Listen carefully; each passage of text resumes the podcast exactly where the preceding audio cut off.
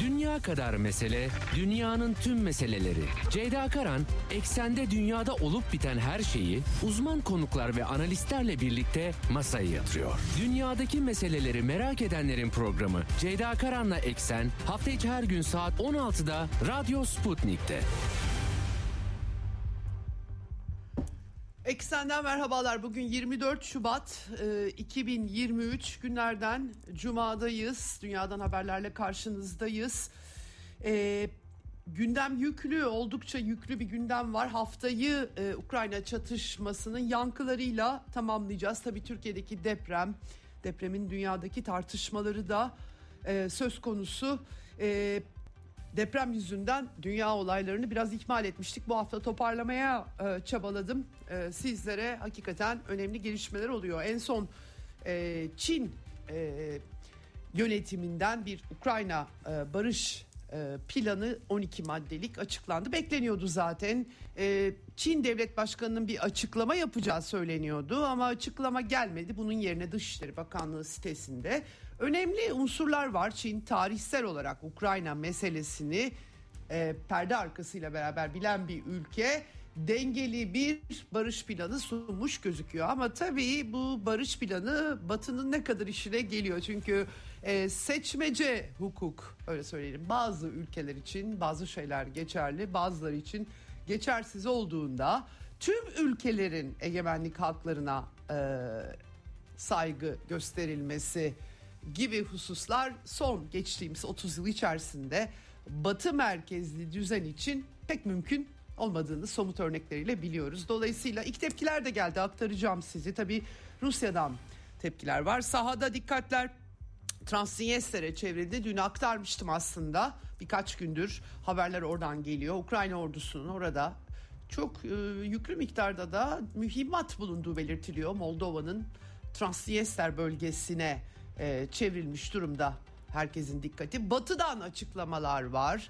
Victoria Nuland 2014 darbesinin planlayıcısı, icracısı Amerikan yönetimi adına dün e, Washington Post başta olmak üzere canlı yayında gazetecilerin sorularını yanıtladı. Hem Rusya Federasyonu'nun e, stratejik silahların e, azaltılması anlaşması, start anlaşmalarını askıya alması ile ilgili yorumları vardı. Hem Ukrayna ile ilgili açıklamalar vardı. G7'den e, çıkan yapılan son açıklama, yeni yaptırımlar, e, pek çok e, madde var Avrupa ülkelerinin e, aldıkları tavırlar. Ama tabii Çin en çok tartışılıyor.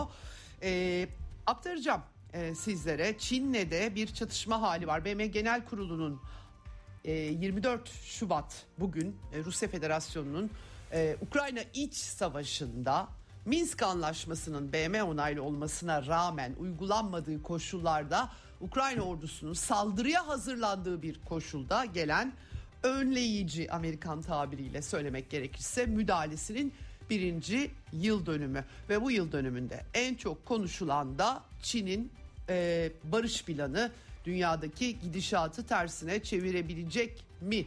Pek mümkün gözükmüyor. Batı hegemonyasına aykırı herhangi bir şeye e, batılı ülkeler, gelişmiş batılı ülkeler izin vermek istemiyorlar ama e, biz en azından e, pozisyonları doğru anlamak açısından e, size aktaracağız detaylarıyla birlikte. E, programın ilk yarısında aktaracağım. İkinci yarısında biraz başımızı Orta Doğu'ya çevirmek istiyorum. E, bütün bu süreçte depremi konuşurken, Ukrayna çatışmasının küresel yankılarını konuşurken... E, deprem nedeniyle bütün olup bitenlerden etkilenen komşumuz Suriye ile ilgili önemli diplomatik girişimler oldu.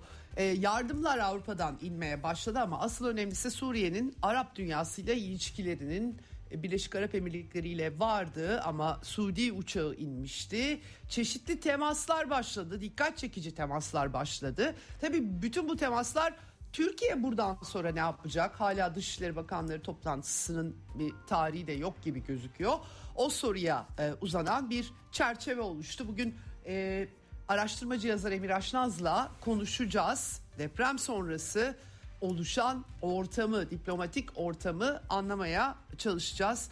Emir Aşnaz'la birlikte ben size zaten Ukrayna çatışmasının bütün temel dinamiklerini gelişmeler eşliğinde aktarıyorum. Bugün de öyle yapacağım.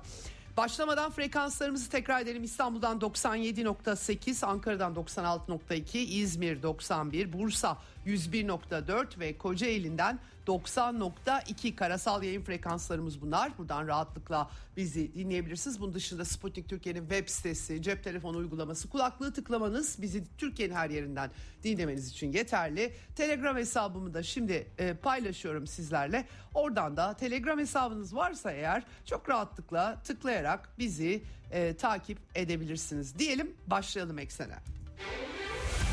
Dünya kadar mesele, dünyanın tüm meseleleri. Ceyda Karan, eksende dünyada olup biten her şeyi uzman konuklar ve analistlerle birlikte masaya yatırıyor. Dünyadaki meseleleri merak edenlerin programı Ceyda Karan'la Eksen hafta içi her gün saat 16'da Radyo Sputnik'te. Evet şimdi e, Ukrayna e, cephesinde e, gelişmeler devam ediyor. Sahada Bahmut Artemus bölgesinde e, Güney Donetsk hattında gelişmeler var ama herkesin dikkati tabii Transnistrya'da Moldova'nın Sovyetler Birliği'nden e, bu yana e, e, Moldova'nın egemenliğini tanımayan Transnistria bölgesinde. Burada Rusya barış güçleri var ve bir Ko- Kobasna mühimmat deposu var. Ukrayna ordusunun işte sınırı aşıp komşusu Moldova'nın Transnistria bölgesine müdahale etmeye hazırlandığı haberleri artıyor efendim. Ukrayna sınırına çok yakın bir mesafede e, bu e, dün de aktarmıştım size Avrupa'nın en büyük cephaneliği olarak adlandırılıyor. Sadece 2 kilometre uzaklıkta 1940'larda oluşturulmuş ve 20 bin tondan fazla topçu mühimmatı, piyade mühimmatı, askeri teçhizat bulunduğu söyleniyor. Şimdi tabii bunların Ukrayna ordusunun eline geçmesi riski e, bulunuyor. Ayrıca tabii Ukrayna'nın e, sınırı aşması gibi bir başka sıkıntı var. Bunların patlatılmasının da hani ellerine geçmemesi için çok büyük e, bir patlama olacağının altını çiziyorlar. Hakikaten çatışmanın tırmandırılması bakımından burasına eğer banderist rejim hedef seçerse gerçekten sıkıntılı bir resim daha da e, sıkıntılı hale gelecek bir resimle karşılaşmamız işten bile değil. Bunun altını çizmek gerekiyor. Aynı zamanda Belarus sınırında da e, Polonya ve Baltık ülkeleri e, e, askeri e, tahkimatları arttırmış durumdalar. 24 Şubat birinci yıl dönümünden sonra ne olacak hep beraber tabii ki takip edeceğiz, göreceğiz. Bu arada e, Rusya'nın e, Kırım Köprüsü'ne e, bir saldırı düzenlenmişti. 8 e, Ekim 2022'de havaya uçurulmuştu. İşte orası tüm olarak tüm şeritler trafiğe açılmış vaziyette. E, bunun da görüntüleri de geldi. Aynı zamanda Kuzey Akım 2 hattına yönelik sabotaj terör saldırısı demek lazım Almanya ve Rusya'yı birleştiren. bu konuda e, tabii e, tartışmalar BM'ye de taşınmıştı devam ediyordu. E, Amerikan yönetiminden kaynaklarına dayanarak bu e, konuyu gündeme taşıyan Pulitzer ödüllü gazeteci Seymour Hersh, Biden yönetiminin Almanya'nın e, soğuk bir kış koşullarında diğer hatları kapat, kapatmışken bu hattı açmak zorunda kalabileceğini düşünerek hattı havaya uçurduğunu e, belirtmiş. Takip yazılar yazıyor kendisi takip eden makalesini ve e, e, bu patlayıcıların Haziran'da durum o kadar da Ukrayna'nın aleyhine değilken yerleştirildiğini söylüyor. E, koşulların değiştiğine işaret ediyor. Şimdi bu koşullarda tabii e, batıda değişen bir şey yok. Neokon savaş lobisi Ukrayna çatışmasını daha da kızıştırmak için darbeden bu yana zaten devam eden bir çaba vardı. Yolunda şimdi de bunu sürdürüyorlar. E, bu koşullarda Çin'den dikkat çekici bir çıkış geldi. Bekleniyordu aslında bir tutum belgesi açıkladılar. Çin'in Ukrayna krizinde siyasi çözüme dair tutumu başlığını taşıyor bu belge. 12 maddeden oluşuyor. Dikkat çekici maddeler aktaracağım size şimdi.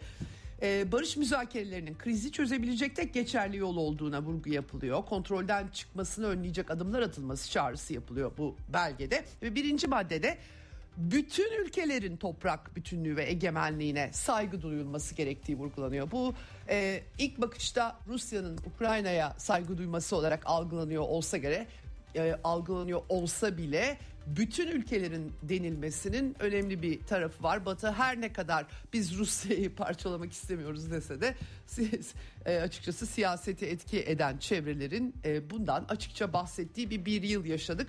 Çin'in bütün ülkelerin vurgusu aslında belki son 30 yılda Amerikan yönetiminin hiç de egemenliklerine saygı göstermeyi, toprak bütünlerine saygı göstermeyi aklından geçirmediği ülkeleri de kapsıyor. Mesela hala devam eden Suriye işgal. Dolayısıyla uluslararası hukukun seçmeci ve çifte standartlı ele alınmasına atıf olduğu rahatlıkla söylenebilir. Batı tarafından kabul edilebilir bir şey gibi gözükmüyor. Onlar biliyorsunuz istedikleri ülkelerin egemenliğine saygı duyarken işlerine gelmeye de pek de saygı duymuyorlar. Bu anlamda genel ilke Çin'in ortaya koyduğu Uluslararası zaten belirtiyor. Uluslararası hukukun aynı ve standart biçimde uygulanmasına ve çifte standart kullanımının reddedilmesi gerektiği. Tabii bir rıza oluşacaksa çifte standartla rıza e, oluşturulamaz. O zaman e, şu an yaşadığımız sorunlar tabii meydana gelir. E, soğuk savaş mantığı terk edilmeli. Bu daha çok Çin'in Amerika'ya atfettiği bir şey. Amerika'nın soğuk savaşı devam ettirmeye çalıştığı eleştirileri vardı. Bölgesel güvenliğin, askeri blokların, AUKUS'lar efendim Amerika'nın kurduğu kuatlar bunların e, güçlendirilmesi ve genişletilmesi yoluyla bu güvenliğin sağlanamayacağı soğuk savaş zihniyetine yol açacağı. Savaşların üçüncü maddede e, kazananlarının olmayacağı, dördüncü maddede tek Ukrayna krizinden çıkış yolunun diyalog ve müzakereler olduğu, nükleer santrallerin kontrollerinin güvenliğinin sağlanması, insani sorunların e, siyasallaştırılmaması, e, Çin'in Rusya ile Ukrayna arasında savaş esiri takasında destek vermesi, e, e, nükleer silah kullanımının izin verilemez olduğu, e, bu bağlamda ateşkes ve müzakereler tekrar, tahıl anlaşmasının etkin uygulanması tüm taraflarca, e, tek taraflı yaptırımlara karşı olduğunu açıkça dile getiriyor ki Batı tek taraflı yaptırım uyguluyor. BM yaptırımı değil bunlar Batı'nın yaptırımları ama tabii Amerika Birleşik Devletleri dünyadaki e, piyasaları e, dolar e, bazlı sistemi kontrol ettiği için e, bu tek taraflı yaptırımları dayatıyor başka ülkelere. Üretim ve tedarik zincirinin istikrarını sağlama, çatışmalardan yara alan bölgelerin yeniden yapılandırılması. Çin'in tutum belgesi bu.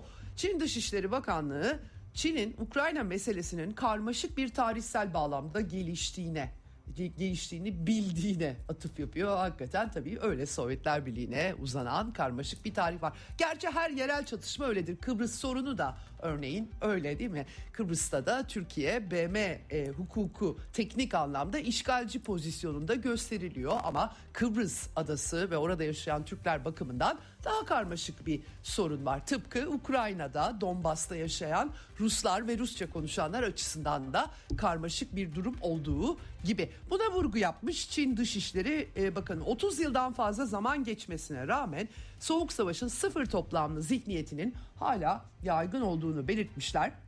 Berlin duvarı yıkılmış olsa da ideolojinin damgasını vurduğu bir duvar hala var deniyor. Burada tabii neoliberal modeli kastederek söyleniyor bu ifadeler.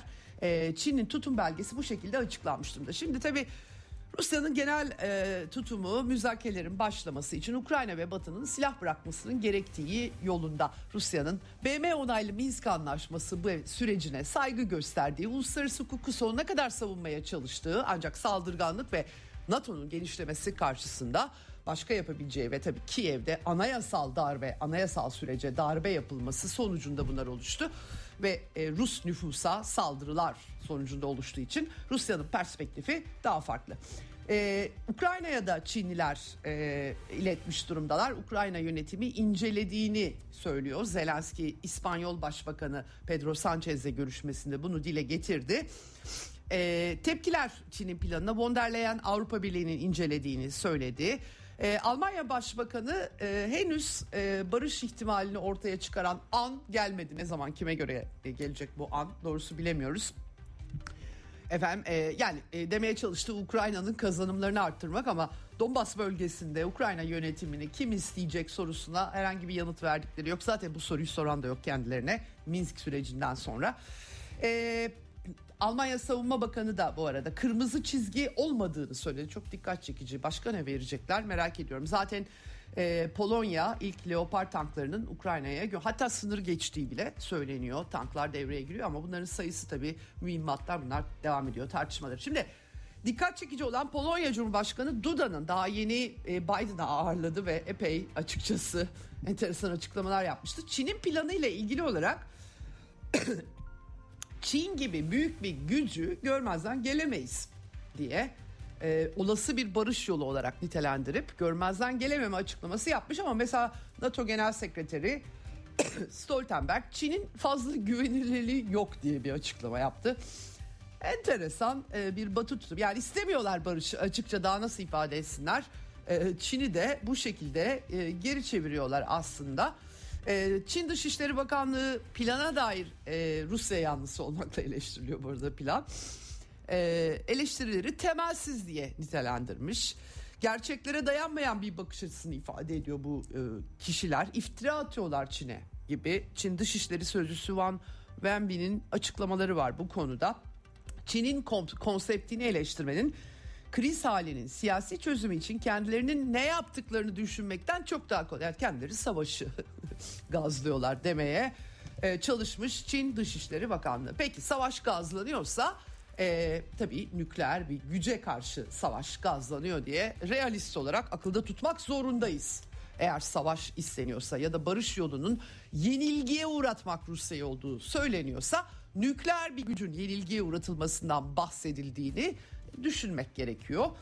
Ee, bunu e, bilmiyorum artık batıda dile getirenler var tabii ama neokon yönetim çok dert ediniyor gibi görüş, gözükmüyor. Ee, Joe Biden G7 liderleriyle ve Zelenski ile online toplantısı bugün ve Ukrayna'ya daha fazla destek imkanları açıklandı. G7 ülkelerinin vaatleri 39 milyar dolarlık bir bütçe desteği. Ee, aynı şekilde Rusya'ya yeni yaptırımlar, metal, mineral, kimyasal ürünlere yönelik ihracat kontrolleri, e, ayrıca Çin ve Rus şirketlerinin yaptırımlardan kaçtıkları saptanmış. Nasıl olur Batı'nın yaptırımlarından hangi hakla kaçabilirsiniz efendim? Bir dizi ürünü satın almasını yasaklayacaklar. Ee, Rusya'nın egemen varlıklarını donduracaklar onlar. Allah zaten istediklerini yaparlar efendim. 2 milyar dolarlık yeni yardım paketi Biden yönetimi e, ayrıca Janet Yellen e, ek olarak 10 milyar dolarlık ekonomik yardım. Ama kaç milyar dolar verdiler vallahi bilmiyorum zaten. E, enteresan bir kafamda bütün rakamlar birbirine karışmış durumda. E, Amerikan yönetimi e, yetkilileri Bloomberg'e açıkça ifade etmişler. Türkiye'yi yakından ilgilendiriyor tabii bu hem Rusya hem de Batı ile ticari bağlarını sürdürerek iki kampta kalmaya çalışan ülkelere baskı uygulayacaklar. Yani nasıl olur da siz Rus turistleri alırsınız? Ya da nasıl olur da kuzey komşunuzdan enerji alırsınız? Mümkün mü böyle bir şey? Nasıl yapacaklar merak ediyorum ya da Hindistan'a nasıl yapacaklar merak ediyorum. Ama tutumları bu şekilde baskı uygulayacaklar. Tabii e, e, ilginç e, bir resim çıkıyor. Buna kim ne kadar boyun eğecek bugüne kadar yaptırımların işe yaramadığını bizzat kendileri dile getirdi. En son Robert Habeck'in Almanya'nın ekonomi bakanının da bu konuda açıklamaları oldu. Şimdi Silahlara gelince Pentagon nihayet baklayı çıkarttı ağzından. Abramslar, e, Christine Wormuth ABD Ordu Sekreteri demiş ki yani bu Abrams tanklarını alıp almayacakları belli değil. İki yıl, iki buçuk yıl yani o kadar tank fırtınası estirildi. Ama e, baklayı ağzından çıkaran diğer isim e, e Suriye'de El-Kaide bizim yanımızda e, Hillary Clinton'a e-mail yazmıştı Wikileaks sızıntılarından yalanlanamadı tabii yani sızıntılar bildiğiniz.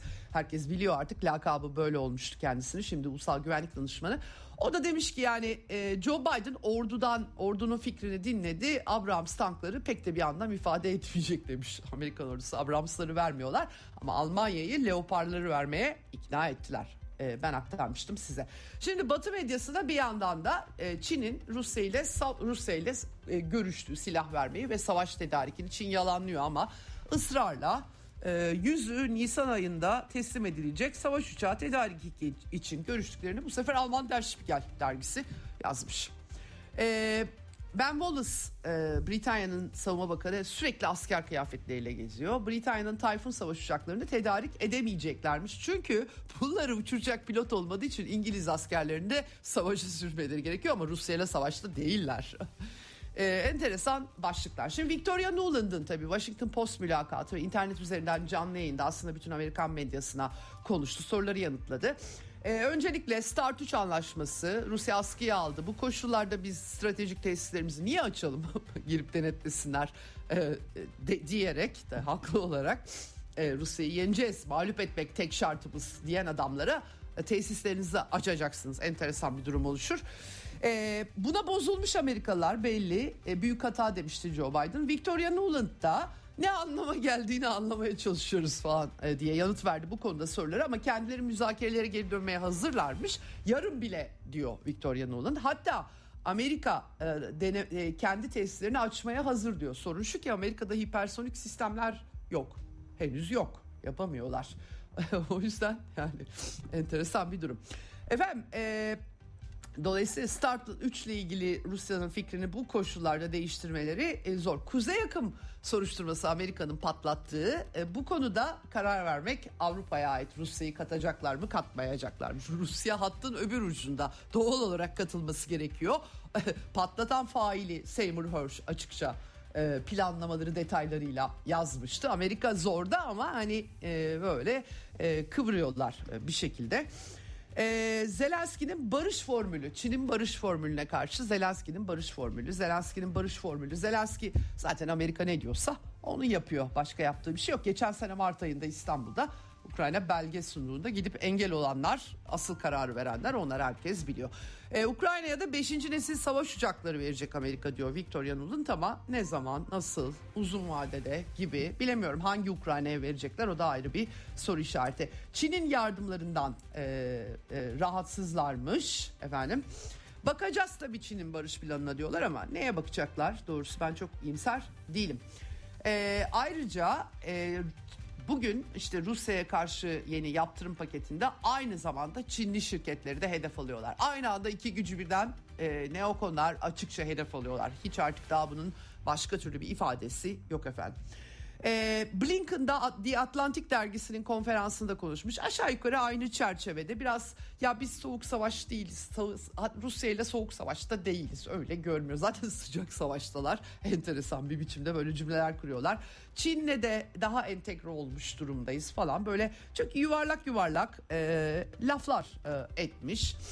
Ee, Çin'in e, Rusya'ya yardım etme olasılığı yani bir yardım ediyor diyorlar bir uçak vermek üzere Nisan'da verecek diyorlar bir böyle bir şeyin kanıtını görmedik ama falan yani gerçekten yine tutarsız kendi e, şüphelerini e, zerk eden açıklamalar. Tabii Çin'in tutumunda da e, böyle barış planları açıklıyor ama dün de aktarmıştım.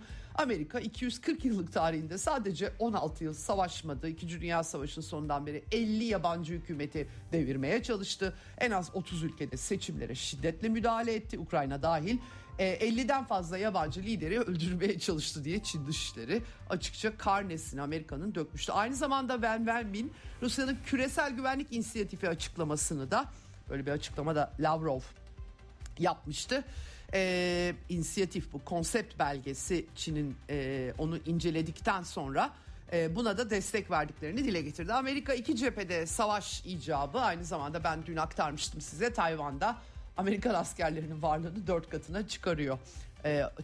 E, Tayvan'da Çin egemenliği altında bir bölge. Tek Çin politikası gereği Amerika'nın da kabul ettiği ama dediğim gibi batıya göre bazı yerlerde egemenlik olabilir bazı yerlerde olmaz filan. Öyle e, değişik bir kurallara dayalı düzen dediğimiz şey biraz karmaşık bir şey. Bir hukuk temeli yok özetle.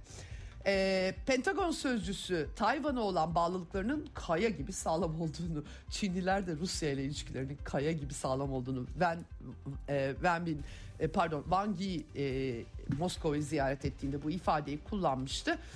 Tayvan'a kaya gibi sağlam e, e, bağlılığımız diye Amerikalılar da bu bağlamda tekrar ettiler. Asya'da da sıcaklık var bunları konuşacağız tabii. E, Kuzey Kore ile var Kore Demokratik Halk Cumhuriyeti ile. Güneyi e, e, bir şekilde Güney ile sürekli tatbikatlar yapıyor Amerikalılar. Yalnız Kuzey Koreliler Rusya gibi hassas değiller doğrudan denemeyi yapıyorlar geçiyorlar gidiyorlar efendim böyle bir durum. Evet dönelim batıya Boris Johnson müjde NATO Genel Sekreterliği Jens Stoltenberg militarist Jens Stoltenberg'in zaten öyle olması gerekiyor NATO hala neden varsa onun gereğini yapıyor. Onun yerine aday efendim e, sonbaharda Stoltenberg artık ayrılacağını doğrulamıştı.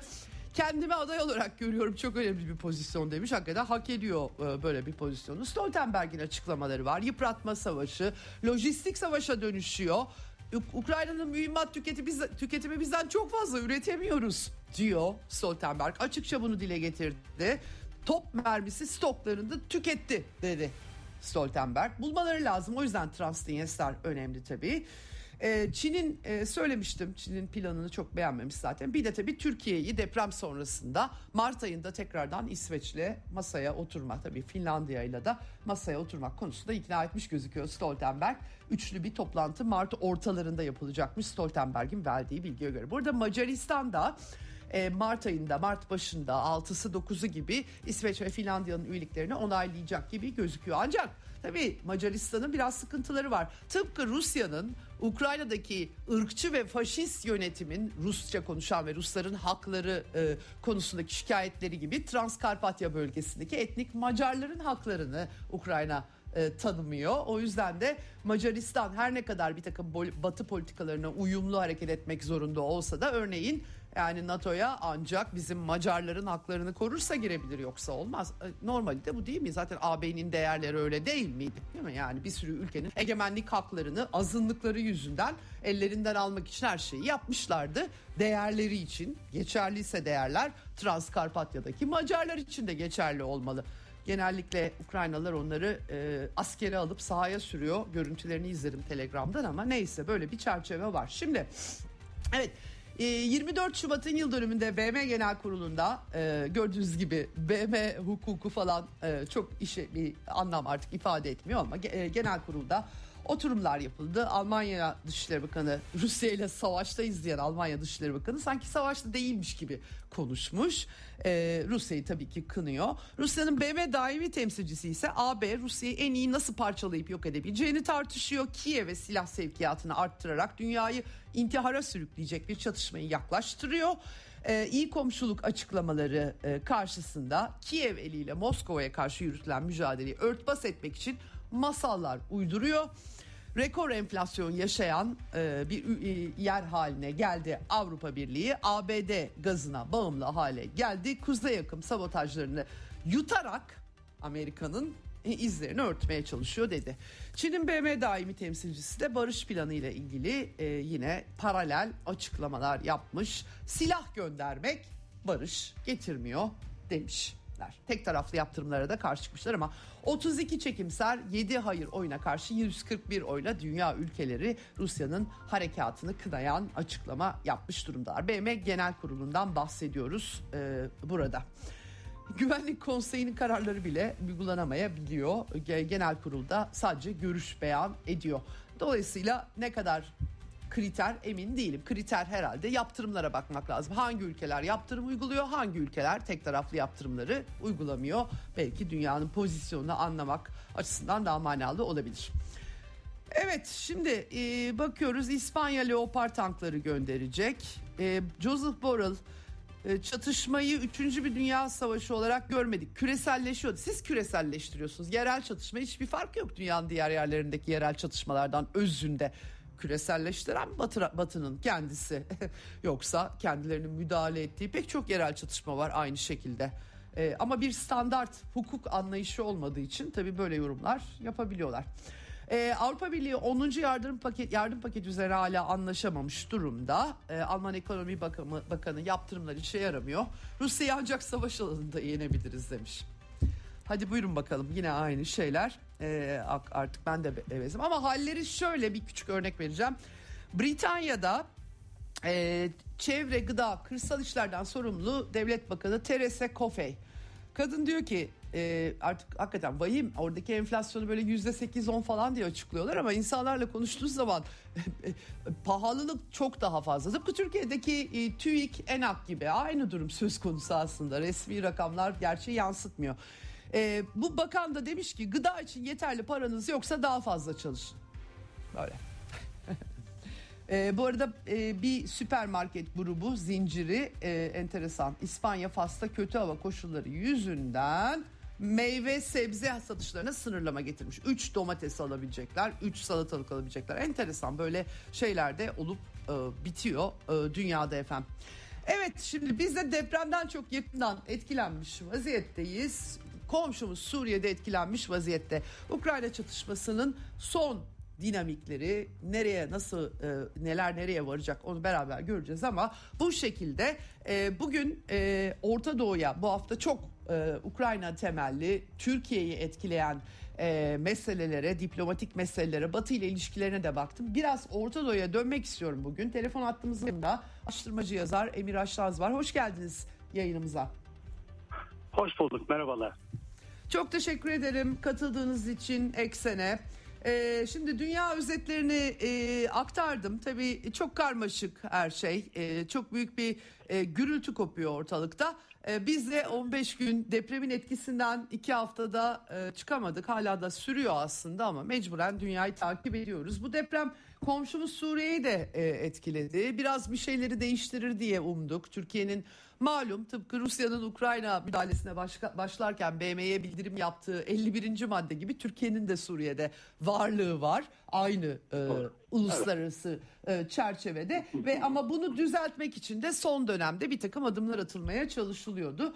E, deprem Suriye'yi de vurdu. Yardımlar e, çağrısı yapıldı. Amerika'nın Sezar yaptırımları. İlk başta fakat ilk 15 günde Arap ülkeleri dair pek kılını kıpırdatan olmadı. Galiba biraz durum değişmiş ve bunun bir de e, diplomasiye de bir takım etkileri var gibi. Neler olup bitti? E, siz yakından takip ediyorsunuz biliyorum. Biz depremde ucu kaçırdık e, doğrusu söylemek gerekirse. Evet. E, tabloda bir değişiklik var mı ya da e, genel anlamda olmasa bile e, e, önce onu sorarak başlayayım. Evet belki şöyle başlayabiliriz e, Şeyda Hanım. Yani tabii ki var aslında tabloda bir e, değişiklikler var siyasi alanda. E, ilişkiler alanında diyelim. Ama önce belki şunu söyleyelim bir e, şey açısından e, kötü bir şey ama e, rakamlardan bahsedelim. Aslında Suriye'de de tabii Türkiye'dekinden çok daha az. Evet. E, vatandaşını kaybetti Suriye ama yine de azımsanacak bir yıkım yaşamadı. Yani ciddi bir yıkım yaşadı. Yani son Evet. rakamlara göre 4525'in üzerinde toplam. Yani Suriye'nin ama bu Aha. 4525 rakamı tabii çok sağlıklı değil. Şu nedenle değil. Yani Suriye hükümetinin bölge, e, kontrolündeki bölgelerde e, resmi açıklaması var. 1414 vatandaşlarını kaybettiklerine dair. Diğerleriyle birleştirince, toplayınca yani e, El-Kaide'nin e, bölgesi olan İdlib ve uzantılarında ve e, Halep'in e, kuzey kırsalında Türkiye'nin kontrolündeki bölgelerde e, az sayıda bir de SDG'nin bölgesinde de ölümler oldu. Bunları topladığınız zaman 4525'e ulaşıyorsunuz. Ama tabii ki e, yani maalesef e, bu depremde Türkiye'de de öyle. E, kayıplar daha doğrusu ölen kişilerin sayısı çok daha fazla. Yani şu an Türkiye'de 43.500'ün üzerinde en son bir e, Evet ama çok daha yüksek. kişiyi diyorlar. kaybettiğimizi biliyoruz ama son verilere göre e, muhtemelen rakam bunun çok üzerinde. Çünkü e, aynı şey Suriye'de olduğu gibi Türkiye'de e, bir defa depremin şokuyla ve yardımların ve e, arama kurtarma çalışmalarının çok geç olması nedeniyle birçok insan zorunlu olarak kendi çıkarttığı e, yakınlarını, ölülerini gömmek zorunda kaldı. Bazı kişiler Evet. topluca mezarlara gömüldü vesaire. Evet. Aslında Türkiye'nin tarihinde ben e, bu programdan önce Marmara depremine bakmak istedim ama orada bile halen önümüze çıkan rakamlar mesela e, ölüm sayısı 18.373 yanlış görmüş olabilirim ama bir şeyi yansıtması açısından söylüyorum. Kayıp sayısı ise 5840 yani o rakamın yaklaşık üçte biri. Dolayısıyla ben e, bu depremde de maalesef çok daha büyük olan ve yıkımı da daha büyük olan ama da en önemlisi çok daha geniş bir alana yayılan bu depremde de maalesef e, yani ölülerin yanında e, resmi olarak ilan edilenlerin yanında önemli bir kayıp sayısında olacağını öngörmek durumunda olduğumuzu düşünüyorum. Şimdi bu şeyden sonra dediğimiz gibi Türkiye'de, e, Suriye'de de bütün bölgelerde 4500 kişi küsür kişi ama küsür önemli tabii. İnsan için belki de öyle konuşmamak lazım ama Evet. maalesef bu rakamın da gerçekte yani 10 bine yakın bir rakam olduğunu e, üzülerek Evet. söyleyebiliriz, tahmin edebiliriz diyor. Şimdi bu e, sorunuza gelince yani bu ana şeyi çizdikten sonra Hı hı. aslında e, tabii e, yani Suriyeliler tabii evet bizim deprem Türkiye'de oldu esas itibariyle merkez üsleri Türkiye Cumhuriyeti'nin topraklarındaydı ama tabii ki Suriye'ye yakın bölgeler çok büyük oranda etkilendi. Özellikle de e, Hatay'ın e, Hatay'ın e, doğusunda ve e, Halep'in kuzeyinde olan bölgede çok yoğun bir yani bir anlamda İdlib vilayeti ve Halep vilayetinde önemli e, sayıda yıkım ve ölüm oldu. Yanı sıra hemen Hatay'ın kuzeyindeki Laskiye'de özellikle Ceble bölgesinde e, çok kişi kaybedildi. Ev, çok ev, sayıda ev yıkıldı. Henüz daha bunların şeyi bilinmiyor. E, ve halen de e, insanlara yardım götürülmeye çalışılıyor. Şimdi bu yardım çalışmaları sırasında tabii öncelikle şunu söyleyelim. Yani bir bir defa Birleşmiş Milletler ve uluslararası kuruluşlar yani Suriye yardımda bir kısmen Suriye'nin kendi nevi şahsına münhasır durumundan yani bir anlamda fiilen 3'e 4'e bölünmüş olmasından kaynaklanan sebeplerle ama ve onun dışında da siyasi sebeplerle yardım etmekte Birleşmiş Milletler çok geçik. E, burada hiç tartışma yok. Yani bu e, hatta Birleşmiş Milletler Genel Sekreter Yardımcısı ve Afet Acil İşler Ko Koordinatörü e, Martin Griffiths kendisi de e, bunu itiraf etti. Evet. Şimdi bu, bu yardımda yardımın gecikmesinde iki tane temel e, neden var. Bir tanesi şu oldu. Türkiye çünkü yardımlar Birleşmiş Milletler'de biliyorsunuz her 6 ayda bir daha önce bir yılda birdi. Uluslararası yardımların Suriye'ye yönelik uluslararası yardımların hangi gümrük kapısından hangi kapıdan geçeceğine ilişkin siyasi tartışmalar oluyordu. Bundan sonra 6 ayda bir olmaya başladı bu tartışmalar. Şimdi bir tanesi bundan kaynaklanıyor. Çünkü bir tek e, Suriye tarafındaki Babil Hava ya da e, Türkiye tarafındaki ismiyle Cilve Gözü kapısından ediliyor. Ama hı hı. deprem e, e, yani e, deprem vurduktan sonra yardımların çok acilen yetiştirilmesi gerekiyordu. Zaten zor durumda insanlar. Yani Suriye evet. normal bir ülke değil. Altyapısı çökmüş durumda. Akaryakıt evet. yok. Yani alet, ekipman yok. Ambar hem gerek Avrupa Birliği'nin gerekse daha da önemlisi Amerika Birleşik Devletleri'nin ambargosu altında ki çoğu kişi belki izleyiciler bunu bilmiyor. Yani bu Amerika'nın ambargosu altında olmak aslında e, hani Suriye'nin Amerika ile ilişkileri açısından hiçbir önemi yok ama asıl e, Amerika bu ambargosuyla kendi çıkardığı ulusal yasalarıyla bütün dünyanın bütün dünyayı baskı altına alıp Suriye'ye herhangi bir e, Suriye ile ekonomik evet. işbirliğine e, girmesini engelliyor. Bu anlamda zaten çok zor durumdaydı. E, şimdi dönersek dolayısıyla bu, bu kapılar tartışması oldu. Bir de belki onu belirtelim. E, aslında bazı Arap ülkeleri de e, özellikle Birleşik Arap Emirlikleri, Cezayir gibi ülkeler ve Irak açıkçası. E, sonrasında tabii ki Rusya ve İran'da hızlıca e, denilebilecek bir zaman diliminde bir, bir süratte yardım etmeye çalıştılar. Ama tabii ki onların da şeyi sınırlı zaten hani e, şeyleri. E, fakat Birleşik e, ilk birkaç günden sonra e, yardımlar e, artmaya başladı. Yani Suriye hükümetine yönelik yardımlar. E, fakat bu yardımların e, çünkü e, Suriye hükümetinin kontrol dışındaki bölgede kabaca ölenlerin üçte ikisi o bölgede. Üçte biri Suriye hükümetinin kontrolü altındaki e, bölgelerde Halep ve Laskiye vilayetlerindeydi. E, ama oraya yardım iletilemedi. Çünkü hem Birleşmiş Milletler e, e, Türkiye üzerinden yani Cilve Gözü Babil Hava Kapısı üzerinden yardım iletmekte son derece gecikti. E, hem de e, bu arada e, Suriye hükümeti üzerinden de bu bölgelere yani Suriye hükümetinin kontrol dışındaki bölgelere yardım aktarılamadı. Çünkü e, özellikle İdlib'deki gerek HTŞ gerekse Türkiye'nin kontrolü altındaki bölgedeki örgütler e, yani Suriye hükümetinin Kızıl Haçı ve Uluslararası Kızıl Haç organizasyonuyla yapılacak bir yardımı kabul etmeyeceklerini, sadece kuzeyden bir yardımı kabul edeceklerini bildirdiler. Aslında e, ve bir hafta kadar da uğraşıldı bunun için. Birleşik Arap Emirlikleri devreye girdi. Birleşmiş Milletler devreye girdi.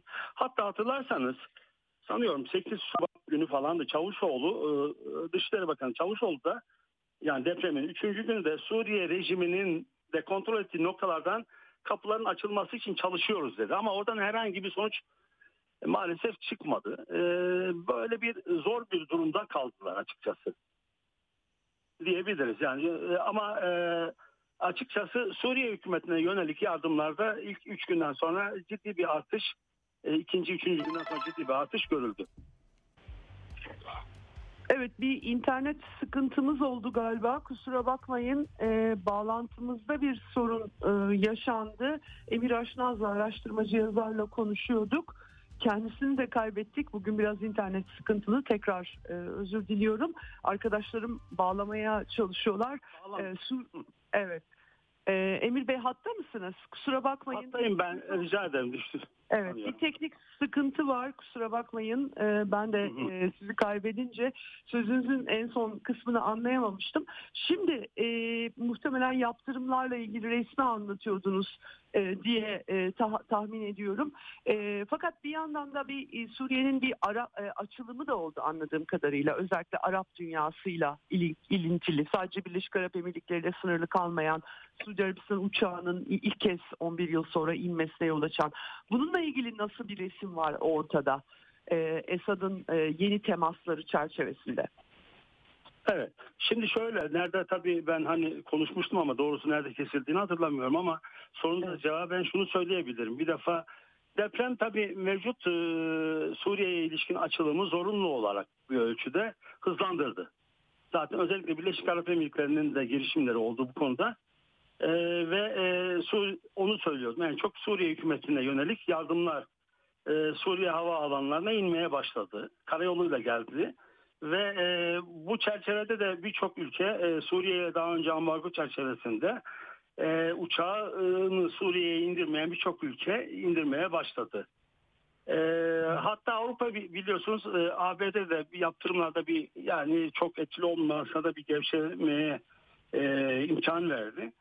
E, en son olarak da dün Avrupa Birliği yaptırımlarda bazı e, açılımlar e, biraz gecikmiş de olsa çünkü epey iki haftadan fazla bir zaman geçti üzerinde e, bir açılım sağlamaya çalıştı e, ABD'den sonra. Şimdi e, tabii bu anlamda e, birçok e, daha önce Suriye ile temas kurmayan ülkede e, Suriye ile temas kurmaya başladı açıkçası ve aslında bunların içinde şüphesiz en önemlisi belki onu bel- belirtmek lazım.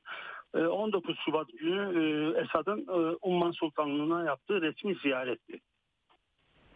Çünkü bu ziyaret aslında İran ve e, Rusya dışında bir ülkeye ve özellikle bir Arap ülkesine yapılan ilk resmi iş ziyaretiydi. Görev iş ziyareti. Daha önce Birleşik Arap Emirlikleri'ne gitmişti bir kez ama o bir e, özel ziyaret kapsamında yapılmıştı. E, bu tamamen resmi protokoller bir gezi oldu. Burada birçok pazarlık e, döndüğüne dair e, e, şeyler var, e, yorumlar var. E, Suriye tarafı daha önce e, bu ziyaretin esasen daha önce planlandığını ancak deprem nedeniyle birkaç gün ertelendiğini açıkladı. Bunun dışında Mısır e, Cumhurbaşkanı e, Mısır tarafından ilk kez e, Suriye Cumhurbaşkanı ile bir telefon görüşmesi oldu. Dolayısıyla Suriye'ye yönelik bir e, diplomatik faaliyet, Suriye'nin merkezinde olduğu bir diplomatik faaliyetlerde bir yoğunlaşma görüyoruz. Hı hı, hı hı. Evet. Burada burada tabii e, hiç bir, belki e, şeyi söyleriz. Burada Arapların daha çok açıkçası yürüttüğü bir faaliyet söz konusu. Tabii ki Rusya'nın da bilgisi dahilinde ve e, anladığım kadarıyla e, Türkiye'nin de bilgisi dahilinde yürütülüyor. Bu burada Suudi Arabistan var.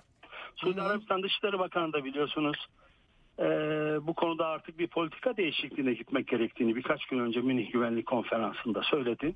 Ve Suriye yönetimiyle e, beraber e, Suriye sorununun, mülteciler sorununun çözülmesi gerektiğini e, söyledi. Fakat e, ama burada pazarlığın devam ettiği anlaşılıyor. Çünkü Suudi Arabistan e, açıkçası böyle açıklamalar yapmakla beraber tamamen de Suriye'nin e, istediği e, bir e, e, şeye duruma Evet. gelmiş değil. Burada pazarlıklar devam ettiği son derece açık.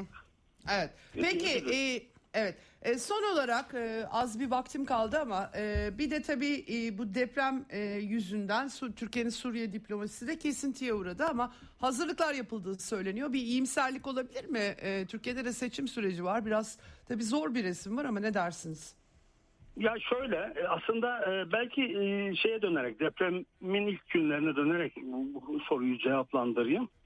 Açıkçası tabii Türkiye'nin yaraları çok büyük depremden sonra ama Evet.